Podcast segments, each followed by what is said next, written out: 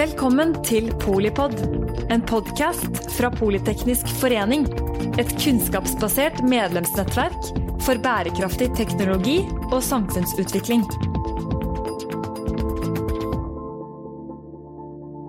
Den norske vannkraften er ryggraden i det norske kraftsystemet. Eh, det har den vært i over 100 år. Men eh, nå står vannkraften overfor et veiskille. Så velkommen til denne episoden av eh, PF Energi sin podkastserie om vannkraft. Jeg heter Tone Knutsen, og jeg jobber i forskningsavdelingen i Statkraft til daglig. Men jeg er også styremedlem i Politeknisk forening sin energigruppe. Og jeg tenkte at eh, vi kan starte denne eh, podkasten med at våre to gjester eh, presenterer seg. Ole Gunnar heter jeg. Dalhaug til etternavn. Professor på NTNU, maskiningeniør. Og har jobba med vannkraft siden 92. Jeg har vært så heldig at jeg får lov til å være med på å utvikle teknologi. Jeg er også så heldig at jeg får lov til å være leder for det prosjektet som Tone akkurat refererer til. Eh, daglig så underviser jeg på NTNU eh, vannkraftteknologi og da det grunnlaget som skal til for å gjennomføre eh, vannkraft i norsk sektor. Urban? Mm. Ja, jag heter Urban Lundin och jag är professor i elektricitetslära vid Uppsala universitet i, i Uppsala. Och för er som inte vet var Uppsala ligger så ligger det strax norr om Stockholm i Sverige. Eh, vi sysslar med de elektriska aspekterna på vattenkraft här. Vi är en grupp på tio personer ungefär eh, som holder håller på med generatorer, energiomvandling i generatorer, hur, de byggs, hur man styr dem och även det systemtjänster som de tillför till elnätet i termer av spänning och, och annat.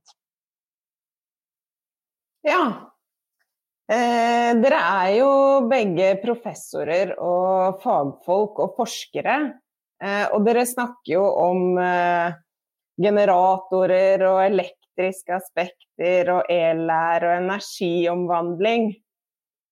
Men jeg har litt lyst til å, å, bare ta et par skritt tilbake og tenke sånn vannkraft. Altså sånn helt grunnleggende. Hvordan virker egentlig vannkraft? Altså, hvordan og på hvilken måte klarer man å produsere kraft fra vann? Altså, det hele starter jo med at det regner på fjellet. Og, og vannet renner i dam, dammene våre og inn i tunnelene. Eh, som har energi pga. at det er en høydeforskjell da, mellom eh, turbinen og, og, der vannet kommer inn. Turbinen har en, en, eneste, en eneste oppgave. Han skal overføre energien fra vannet til akslingen. Eh, og det gjør han gjennom turbinen. Så hvordan ser en turbin ut? Hva er en turbin egentlig? Ja, det er godt um, En turbin er Det, det finnes tre, tre hovedtyper turbiner. Det, og de har navn etter oppfinnere. En heter Pelton, den andre heter Francis og den tredje heter Kaplan. Og jeg tror kanskje Kaplan er det enkleste å forklare uh, uten at du har bilder. Eh, det ser ut som en propell. Altså Vannet kommer inn i noe som ser ut som en sneglehus, som vi kaller for spiraltromme. Går via et sett med, med ledeskovler, som leder vannet inn på en, en, et turbinhjul, som vi kaller for uh, løpehjul. I tilfellet her, så, i Kaplan-turbin, så ser den ut som en propell. Og da er det gjennom den roterende propellen, eller løpehjulet som vi kaller det, så får vi overført energi fra vannet til akslingen. Og da har jeg gjort jobben min som maskiningeniør. Eh, og da kan egentlig Urban ta over derfra. Ja, precis. Och då är ju generatorns uppgift att den mekaniska energin på axeln ut til elektrisk energi på elnettet. Eh, Men du, hvordan, ser, hvordan ser generatorn ut da?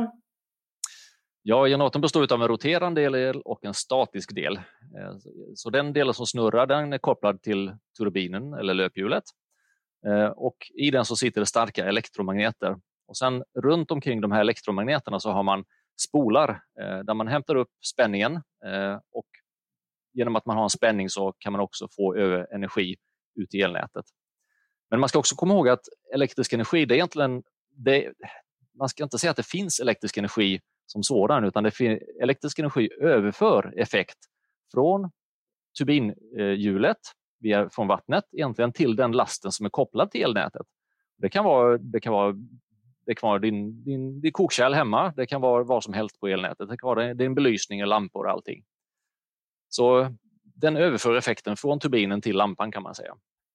Men eh, når dere snakker, så tenker jeg at uh, vannkraft er ikke vannkraft. Altså, du snakker om ulike typer turbiner, uh, Ole Gunnar, og vi vet jo alle at det er stor forskjell på en elv og et fossefall. Altså, er det liksom sånn at uh, vannkraften må skreddersys, da? Må det liksom tilpasses det landskapet det er i, eller kan man handle disse turbinene som hyllevare? Ja, ja, det ville vært behagelig. Nei, du har helt rett. Det er skreddersøm. Alle turbiner, alle kraftverk er forskjellige. Det er ingen, ingen lik. Så når vi skal lage, eller når noen skal lage et nytt vannkraftverk, ja, så starter de fra scratch eller fra null og jobber seg gjennom hver enkelt element. Eh, F.eks.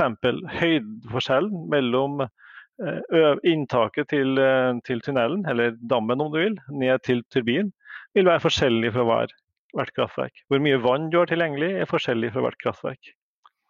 Men kan man snakke om regionale forskjeller, eller eh, er det liksom hva er spesielt med nordisk vannkraft? Eh, er geografien betydningsfull for type vannkraft? Vi pleier å si at Sverige er paddeflata i forhold til Norge. Eh, og svenskene har lavtrykksturbiner, vi har høytrykksturbiner. Så, så, ja, det er forskjell på det. Så Hvis vi går tilbake til de tre turbintypene jeg snakka om, så er det Francis og Pelton de, de to turbinene som tar det høyeste farledene, og det er typisk for Norge. Mens Kaplan-turbinen er typisk for Sverige. Ja, fordi den passer bedre til flatere vann, eller uh, ikke så høye vannfall? Det har du helt rett i. De har, eh, de, der er det mindre høydeforskjell, mens det er masse vann tilgjengelig. Men Urban, er du enig i det eller er Sverige paddeflatt? ja, nej, men det, vi har vel litt fjell også i Sverige, men inte, inte så magnifika som de i Norge får jeg holde med om faktisk.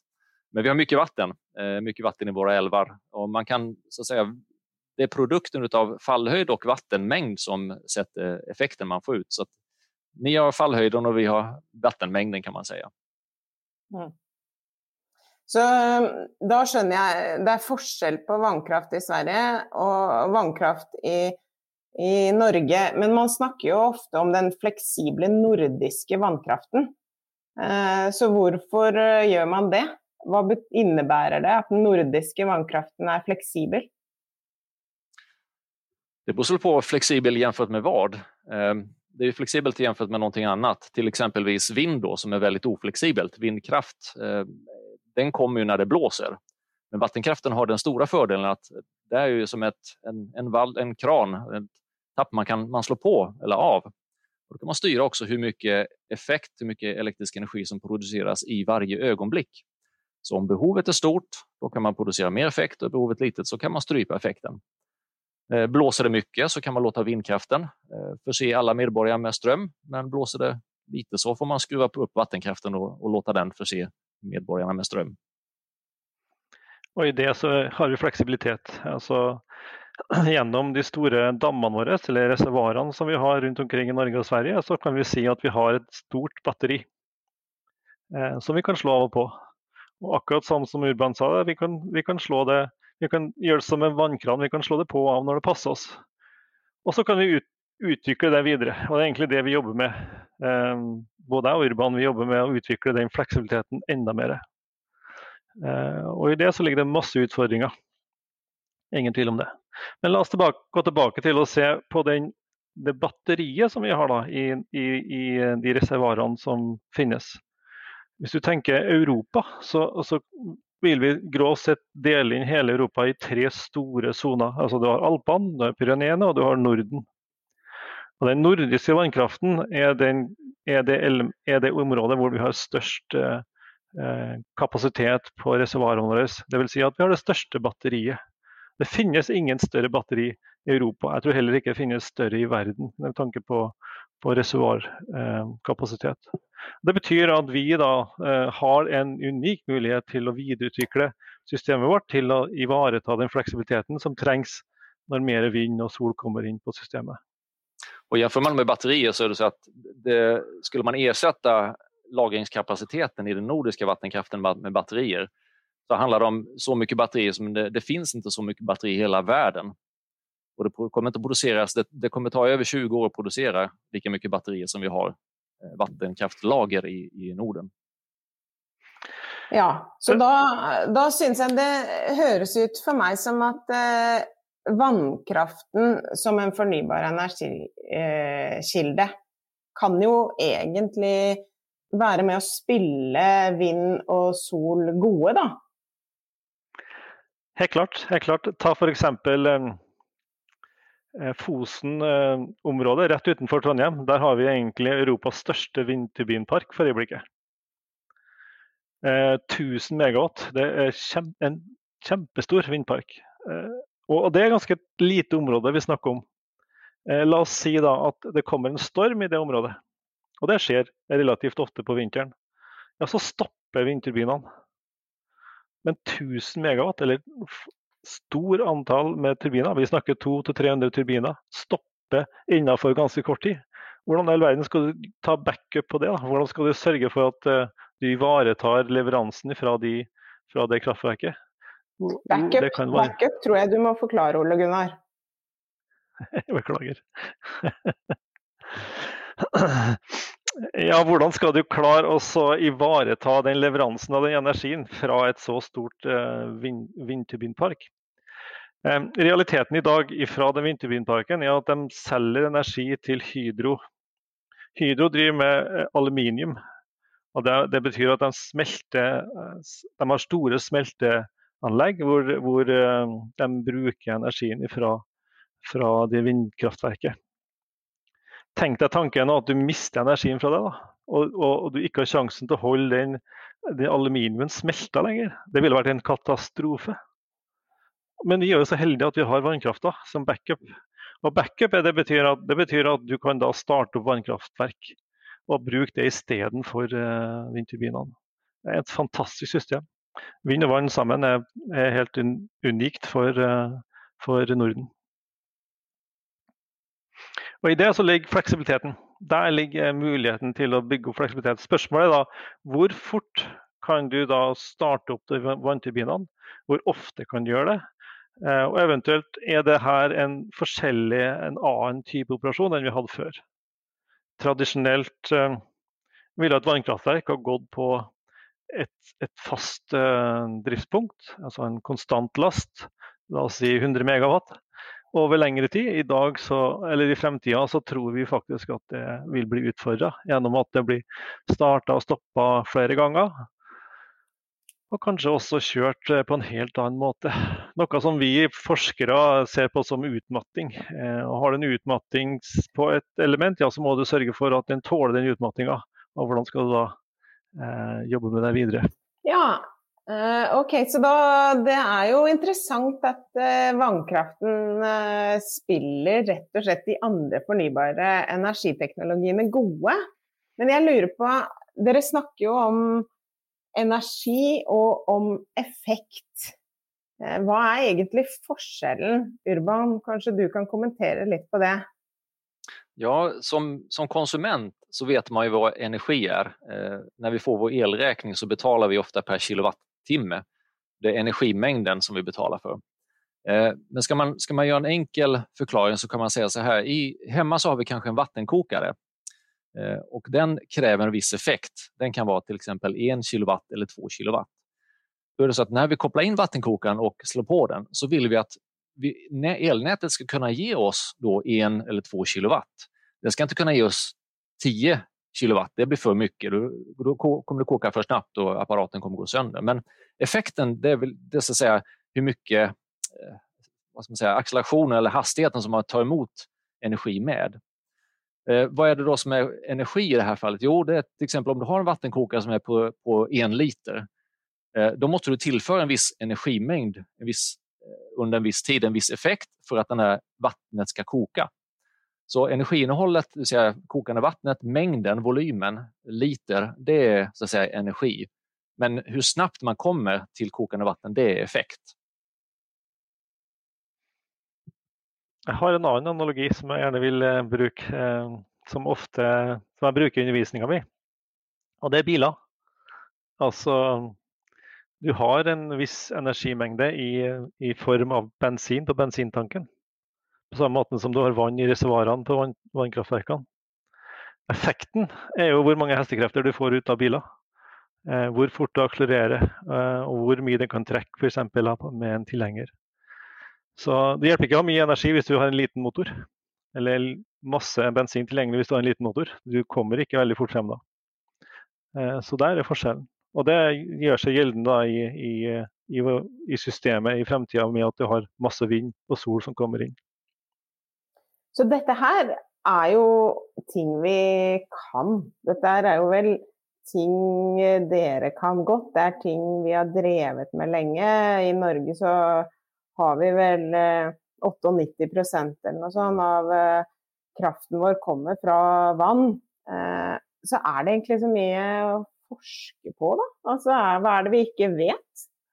Svaret er selvfølgelig ja. Vi må jo forske videre og videreutvikle teknologien vår. Igjen, jeg vil ta tilbake til biler. Hvordan så biler ut for 100 år siden? T-Forden var ganske enkel. Han gikk fremover og han jobba. Han virka på samme måte som biler gjør i dag, men biler er jo helt annerledes i dag. Akkurat samme med vannkrafta. Vi må videreutvikle, vi må tilpasse og vi må sørge for å bygge ut mer fleksibilitet. Man skal også tenke på at uh, man kan anvende framsteg som gjort i andre forskningsfelt i vattenkraften. Så vattenkraften uh, drar også nytte av drönare og kraftelektronikk og saker som hender i, andre disipliner. Men når du sier eh, som ingeniør, Ole Gunnar, så sier du ja, vi må jo utvikle teknologien. Men jeg tenker jo også at eh, er et element av for, for, man kan jo forsvare å slutte å forske på en teknologi hvis den er ferdig og oppbrukt på en måte sånn samfunnsverdimessig. Så liksom er det Jeg tenker jo at eh, noe av hovedgrunnen til at vi skal lære mer om vannkraften, må jo være hvilken rolle den kan spille for samfunnet. Samfunnsverdien. Er det mer å hente? Eh... Det, det, er mange sider av denne saken her, altså når det gjelder forskning. Men som ingeniør så vil jeg selvfølgelig komme inn på de teknologiske sidene. Men, men, det er mange elementer, og det, det er et bredt fagfelt. Men, men, bare for å komme tilbake igjen til hva vi skal forske på. Hva er egentlig hva vi skal jobbe videre med, eh, hvordan vi skal jobbe med det. På, så, så, har vi eh, Du har ytterpunktene med markedet på én side, og så har du det andre sosial eh, aksept på andre sida. Mens, mens, teknologien som Urbana jeg jobber med, vi, har sine elementer. Og vi ønsker jo selvfølgelig å prate om de elementene som ligger i teknologien. Og så vil andre prosjekter også ta med eh, effekter av konsekvensene av disse, f.eks. miljøsida. Men hvis vi tar tak i, i fleksibilitet, da, eller hvorfor vi skal forske videre og hvilke elementer vi ønsker å jobbe med, så er det jo uendelig eh, antall tema som vi kan jobbe med. Fra, fra min side, fra maskiningeniørens side, så, så, handler det om alt fra sedimenterosjon på turbiner der du har masse sand i vannet, til, til materialteknologi som kanskje kan tåle større utmatting, ha lengre levetid. Gjelder digitalisering, hvordan fanger vi opp, eh, hvordan overvåker vi systemene for at vi skal kunne si noe om vedlikehold i fremtida. Hvordan skal turbinen se ut når den skal da jobbe på den måten? Eh, hvis du skal starte og stoppe ti ganger i døgnet, hvordan skal da turbinen gjøre det? I dag så gjør den det kanskje én gang i uka. Så det er veldig store forskjeller på hvordan eh, vannkrafta vil jobbe i fremtida i forhold til i dag. Og det er minst like mange på elkraftsida Eh, av tema som kan jobbes videre med. Jeg vet at Urban, du jobber med flere. Ja, ja for da, da, er du vel litt inne på Hydroflex. Eh, til dette eh, forskningsprosjektet som eh, ja. dere begge to er involvert i. Et stort EU-prosjekt som handler om nettopp det å, å gjøre vannkraften mer, enda mer fleksibel, eh, sånn at den kan spille en enda bedre rolle eh, inn i et fornybart energisystem framover. Urban, kan ikke du si litt om Hydroflex og, og, formålet med dette? Hva er det dere jobber med der? Ja, man kan jo si altså, det vi försöker göra, vi, vi försöker utöka flexibiliteten från vattenkraften så att den kan möjliggöra ännu mer vindkraft och ännu mer intermittenta källor. Så att man ska se vattenkraften som en, en möjliggörare av andra eh, kraftkällor. Vattenkraften i dagsläget är också det som balanserar elnätet, se till att det är balans mellan produktion av el och konsumtion av el. Eh, och den, det kommer fortsätta krävas och jag tror att den biten kommer bli ännu viktigare framöver. Samtidigt måste man se vad som händer med elnäten. Elnäten de kopplas samman mer och mer och då måste man titta på ett större perspektiv, ett europeiskt perspektiv och se den resurs vi har i de här länderna, i Norden, i Alperna, eh, den måste man kunna använda också som flexibilitet där det är mer, till exempel i Danmark och Tyskland där det är mer platt. Eh, mm. Så det vi försöker göra är att vi försöker utöka flexibiliteten, modernisera den, utöka den och visa på möjligheterna eh, att om man tar, använder de här teknikerna, teknologierna som vi utvecklar, vad får man då för flexibilitet från en så pass gammal lösning som vattenkraften ändå är? Vad är de teknologierna då, som dere utvecklar? Ja, som jeg jag tittar på de elektriska aspekterna och där finns det, som jag beskriver, att där finns det innovationer som gjorts inom andra områden. Eh, man kan ta vissa komponenter kommer faktiskt från elbilar. De har blivit billigare. De kan man applicera på, man kan skala upp dem, göra dem större och applicera dem på vattenkraftgeneratorer. Men det, det, det är ju alla, vi vill öka hållbarheten från vattenkraften också. Det är ju inte bara liksom elektriskt eller mekaniskt. Eh, vi måste titta på hela systemet måste bli bättre och måste bli mer hållbart också. Ja, og Når du sier holdbart, så er det det vi forstår i Norge som mer eh, det handler om miljøkonsekvensene og, og bærekraftig. Er det det du tenker på da? Det også, det, men også, også levetid på turbinen. En turbin i dag eh, lever gjerne 50 år og pluss det. Eh, vi har til og med turbiner som har stått i 100 år og går. Men dersom du skal utvikle, dersom du skal kjøre kraftverkene med, med mer fleksibilitet, ja, så vil du ha en kortere levetid, om det da, da har du større um, mindre utmatting da, på, på materialer, f.eks. Hydroflex-prosjektet har blitt utfordra Der har vi en spesiell utfordring, i og med at uh, EU har spesifisert en, en utfordring til eh, prosjektet som sier at turbiner skal tåle 30 startstopp i løpet av et døgn. De skal ha hurtig opp- og nedkjøring av, av kraftverket som, som, følge av f.eks. Eh, vindkraftene som kommer inn og ut. Og Det er egentlig det vi sier der. Det, det er å muliggjøre mer fornybar energi som vind og sol inn på nettet, som, som Urban sa. Og Det har blitt et mantra for vannkrafta i det siste. Det skal muliggjøre mer fornybar energi. Og Det betyr sikkerhet av tilgang på på effekt og energi til enhver tid, eh, som vannkrafta kan gjøre. Du si 30 start, stopp. Altså det betyr du skrur av og på kraftverket ditt 30 ganger i et døgn for, fordi sola skinner og vinden blåser, og at du, du gir rom for at de skal produsere. Men er det realistisk med 30 ganger eh, start og stopp av et uh, vannkraftverk? Hva gjør man i dag? Du har helt rett. Eh, vi stilte jo spørsmålstegn ved det alle sammen når vi starta prosjektet. 30 startstopp. Vi så kanskje maks to, kanskje tre, tror jeg var ekstreme vi så eh, i Norge i hvert fall. Jeg tror ikke det er mer i Sverige. Og Vi har gjort undersøkelser i ettertid også om, om det er realistisk å faktisk få 30 startstopp. og svaret fra prosjektdeltakerne har vært at nei, vi tror egentlig ikke det skjer. Men, um, men det blir mye mer enn det i dag. Å og så Gå fra to til ti f.eks. Uh, i det ekstreme tilfellet, det vil også være en stor endring. Og selvfølgelig vil det være um, påkjenning, eller du får en helt annen påkjenning på materialene f.eks. Og du vil, som, som, kjøper av et vannkraftverk, eller som eier av et vannkraftverk, ja, så vil du være helt sikker på at turbinen virker til hver tid. Du vil ikke ha en stopp pga. Eh, sprekk i turbinen, et havari pga. at noe går galt i generatoren eller, eller, noe sånt. Så Urbana vi jobber med å forsikre oss om at eh, teknologien holder, da, selv om vi da utfordrer komponentene i systemet i større grad.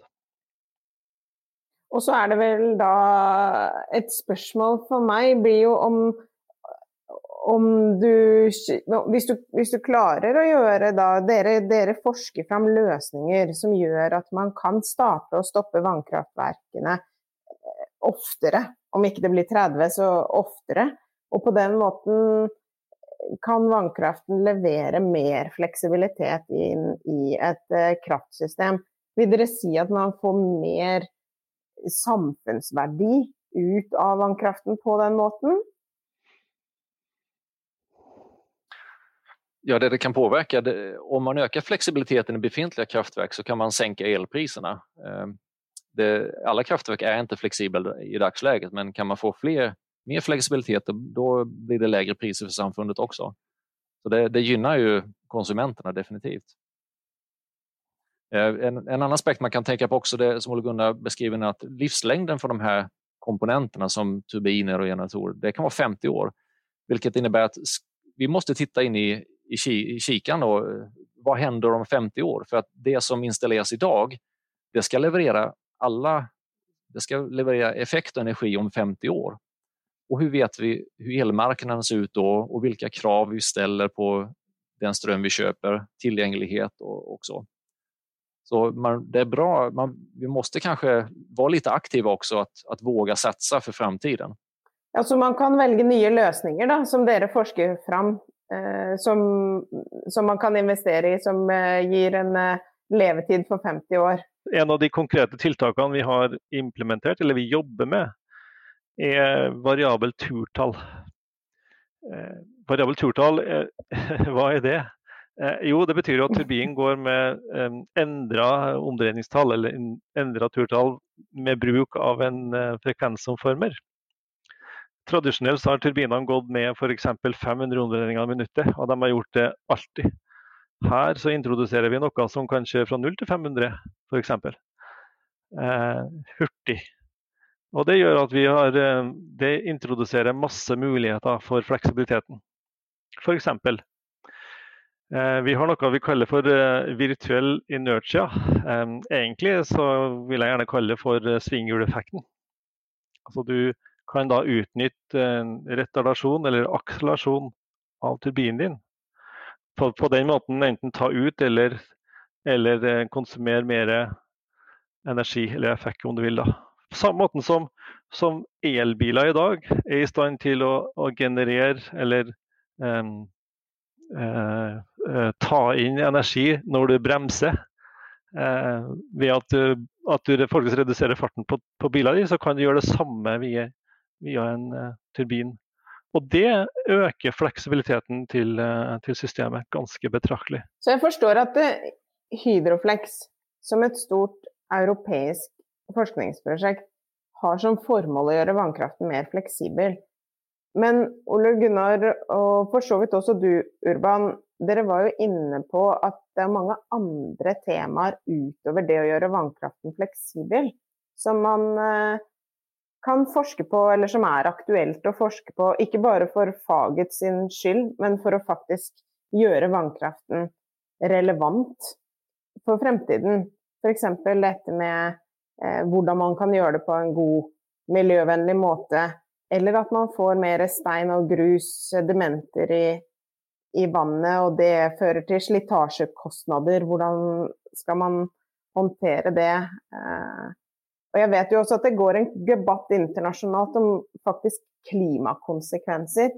I Norge tenker vi jo på vannkraften som en fornybar og klimanøytral kilde, men internasjonalt så finnes det jo kritikere som sier at det kommer klimagassutslipp fra vannkraften. Er det, hva, hva, tenker dere om det? Det er veldig mange sider av denne saken. her, og det, det, er sjelden bare positive sider av en utbygging eller en endring. Um, la oss ta tilbake til Hydroflex. da. 30 start-stopp i løpet av et døgn. Um, tenk tanken at uh, vannet fra den, det kraftverket går ut i elv. Og nedstrøms i den elva så bor det folk. Vel, jeg bor i Trondheim og gjennom Trondheim så går Nidelva. Eh, oppstrøms Nidelva så har vi kraftverk. Og hvis det kraftverket har starta og stoppa 30 ganger i døgnet, ja, så tror jeg jeg kommer til å klage på det. I hvert fall hvis det har kommet en stor bølge ned gjennom 30 ganger i døgnet. Det har ikke jeg likt i det hele tatt. Så, så, du må håndtere det også.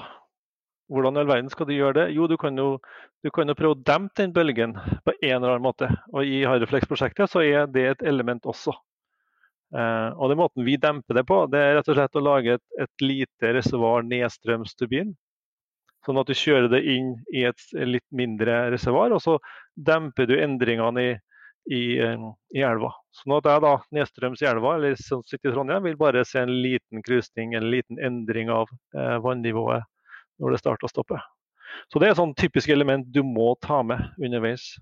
Og vi ser i større og større grad at den type forskning dukker opp. Eh, fordi at det, det gjerne er i krysningspunktet mellom teknologi og miljø, eller teknologi og klimadiskusjonene, at du finner eh, nye utfordringer, og kanskje også nye løsninger, som vi skal jobbe videre med. Det er så mange kompetenser som behøves for å bygge et vannkraftverk. Du behøver bygge en dam, du behøver ha kunnskap om mekanisk utstyr og elektrisk utstyr. Eh, och det var väl så kanske för hundra år sedan när man byggde vattenkraften att då tog man inte så speciellt stort miljöhänsyn. Eh, man, det var staten som sa nu ska vi bygga kraftverk här. Och det skulle inte accepteras idag. Eh, så det här miljötänket måste gå igenom alla discipliner, så även vi som sitter på och jobbar med elektris elektriska aspekterna måste även fundera på miljökonsekvenser av, av både, det, både de elektriska komponenterna men också miljökonsekvenserna av vattenkraften som helhet. Så man kan inte vara fackidiot om man säger så. Man kan inte bara titta på en aspekt. Man måste ha lite eh, antennerna utåt. Et eksempel er fra sedimenterosjon av turbiner. Altså I mange land så har du sedimentavvann, det har du i Norge også, men ikke i så stor grad som vi har f.eks. i Himalaya. Men tenk da der, så det de gjør der, da, sånn typisk maskiningeniøren vil jeg være å prøve å stoppe de de sedimentene til å komme inn i turbinen, sånn at vi har unngått erosjon. Mens kanskje de sedimentene hadde en funksjon lenger nede i elva, f.eks. til irrigasjon eller til mineraler som var nødvendig for jordbruket. Så det vi ser nå er at eh, når, når vi får flere, flere disipliner, fagdisipliner inn i diskusjonene rundt omkring forskninga, så får vi et helt annet fokus og kanskje også en annet resultat av forskninga vår. Det er kjempespennende.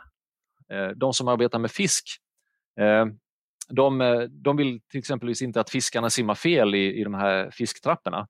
Och då vill man hindra fisken att, att simma på vissa ställen, och simma genom turbinerna till exempelvis. Då, då kan man, eh, man kan ha bubbelridåer, det vill säga man, man har små bubblor som flyter upp till ytan och då hindrar man fisken.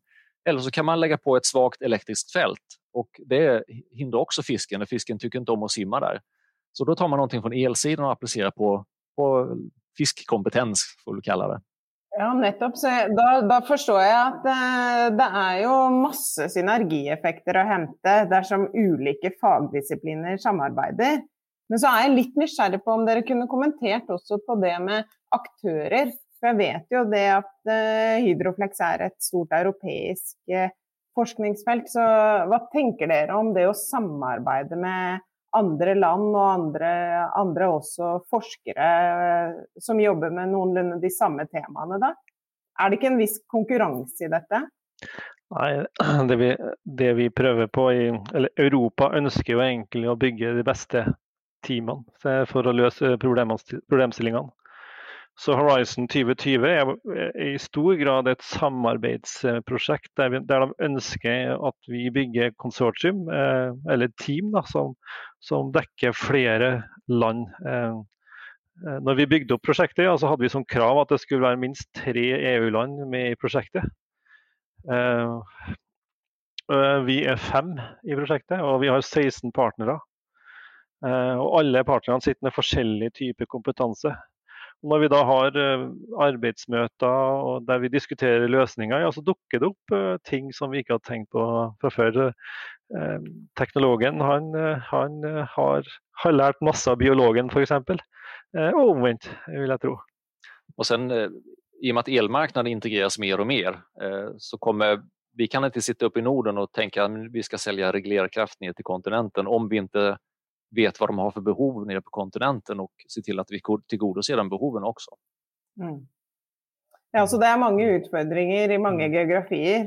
Og, og, hvis man bygger gode team, så bygger man også Kanskje man klarer å komme opp med de gode løsningene. Eh, de aller beste løsningene som gagner både teknologien og leverandører og produsenter og forskningsmiljøet og hele samfunnet som sådan. Men jeg eh, lurer litt på også når dere har forsket fram da, disse gode løsningene som dere har kommet med noen veldig gode eksempler på, hvordan sikrer vi at vi skal få dem ut i markedet? Kan dere liksom kort uh, reflektere rundt det? Hvordan skal vi få, få det ut? Jeg syns egentlig Urban du har det beste eksempelet med Porjus. Ja, det är ju det är en utmaning definitivt. Eh, vi kan ju presentera tekniken men eh, det måste, ju, så att säga, det måste finnas en marknad och det måste löna sig också att, att, eh, att, att de här nya tekniska lösningarna som vi kommer forska fram. Vi tror att vi är ganska övertygade om att tiden gör att det kommer behövas de här tekniska lösningarna. Men givetvis, ja, det, vi, vi, är inte de som implementerar utan de som implementerar lösningar det är kraftverksägarna. Så vi måste också veta att det finns ett behov av de løsningene som vi kommer fram med. I Hydroflex-prosjektet så er det med store aktører, altså Vattenfall og Statkraft er med i prosjektet. Og De har jo kraftverk som de har stilt til rådighet som eh, case eller som eksempel på hvordan vi kan gjennomføre det. Et av, et av Vattenfall sine prosjekter, eller kraftverket i Porus, ganske langt nord i, i, Sverige, der har de stilt til rådighet et kraftverk hvor de kan teste ut den teknologien som vi utvikler. Så det handler egentlig om å få, få eh, kraftverkseiere, brukere, til å ta i bruk ny teknologi.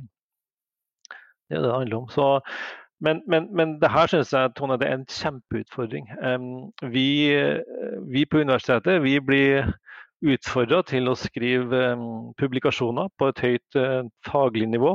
Og så skal vi utgi dem en, i en journal som gjerne har en eh, kredibilitet. Men derifra til å faktisk ta i bruk den teknologien, der er det et tomrom. Jeg har ofte kalt det for behov for en tolk. En tolk som kan oversette forskningsspråket til det anvendte. Og det har vi eh, i hvert fall adressert eh, både i Norge og Sverige, vet jeg. Men det er ikke implementert skikkelig ennå. Og det finnes i hvert fall her på Vannkraftlaboratoriet mange rapporter som er knallgode, men som ikke er tatt i bruk fordi at den tolken har ikke vært til stede. Man, man kan også tänka på att vattenkraften i dagsläget är en förvaltande bransch. Det vill säga den förvaltar något som byggdes för 50-60 år sedan.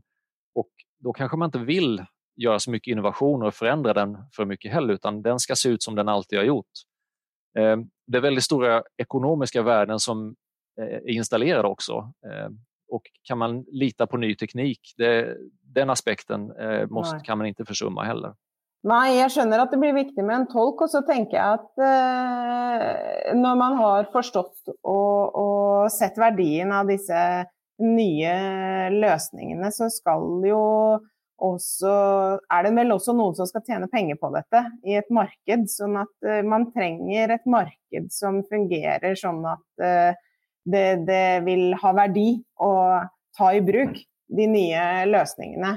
Og der er det jo veldig mange ulike hensyn som skal avveies. Jeg tror egentlig at eh, det er et eh, så stort tema at eh, det må vi lage en annen episode av denne podkastserien om vannkraft om, som skal dreie seg om markedsmekanismer og, og, hvordan vi skal faktisk få de gode tekniske løsningene ut der.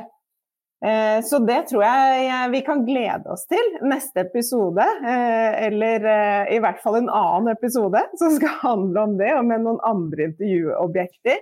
Men helt til slutt så har jeg lyst til å spørre dere, basert på det dere kan om, om vannkraften og det dere vet om disse nye løsningene dere jobber med, hva tror dere kommer til å være vannkraftens rolle i 2050? Den Vannkrafta kommer til å være en garantist for at vi får levert eh, stabil eh, tilgang på strøm i husene våre i fremtida. Og det vil i hvert fall være den eh, jobben han skal gjøre i, Norden og, Nord-Europa. Jeg holder med. Eh, og sen man kan jo fundere også på hvor snabbt energiomstillingen kommer å gå.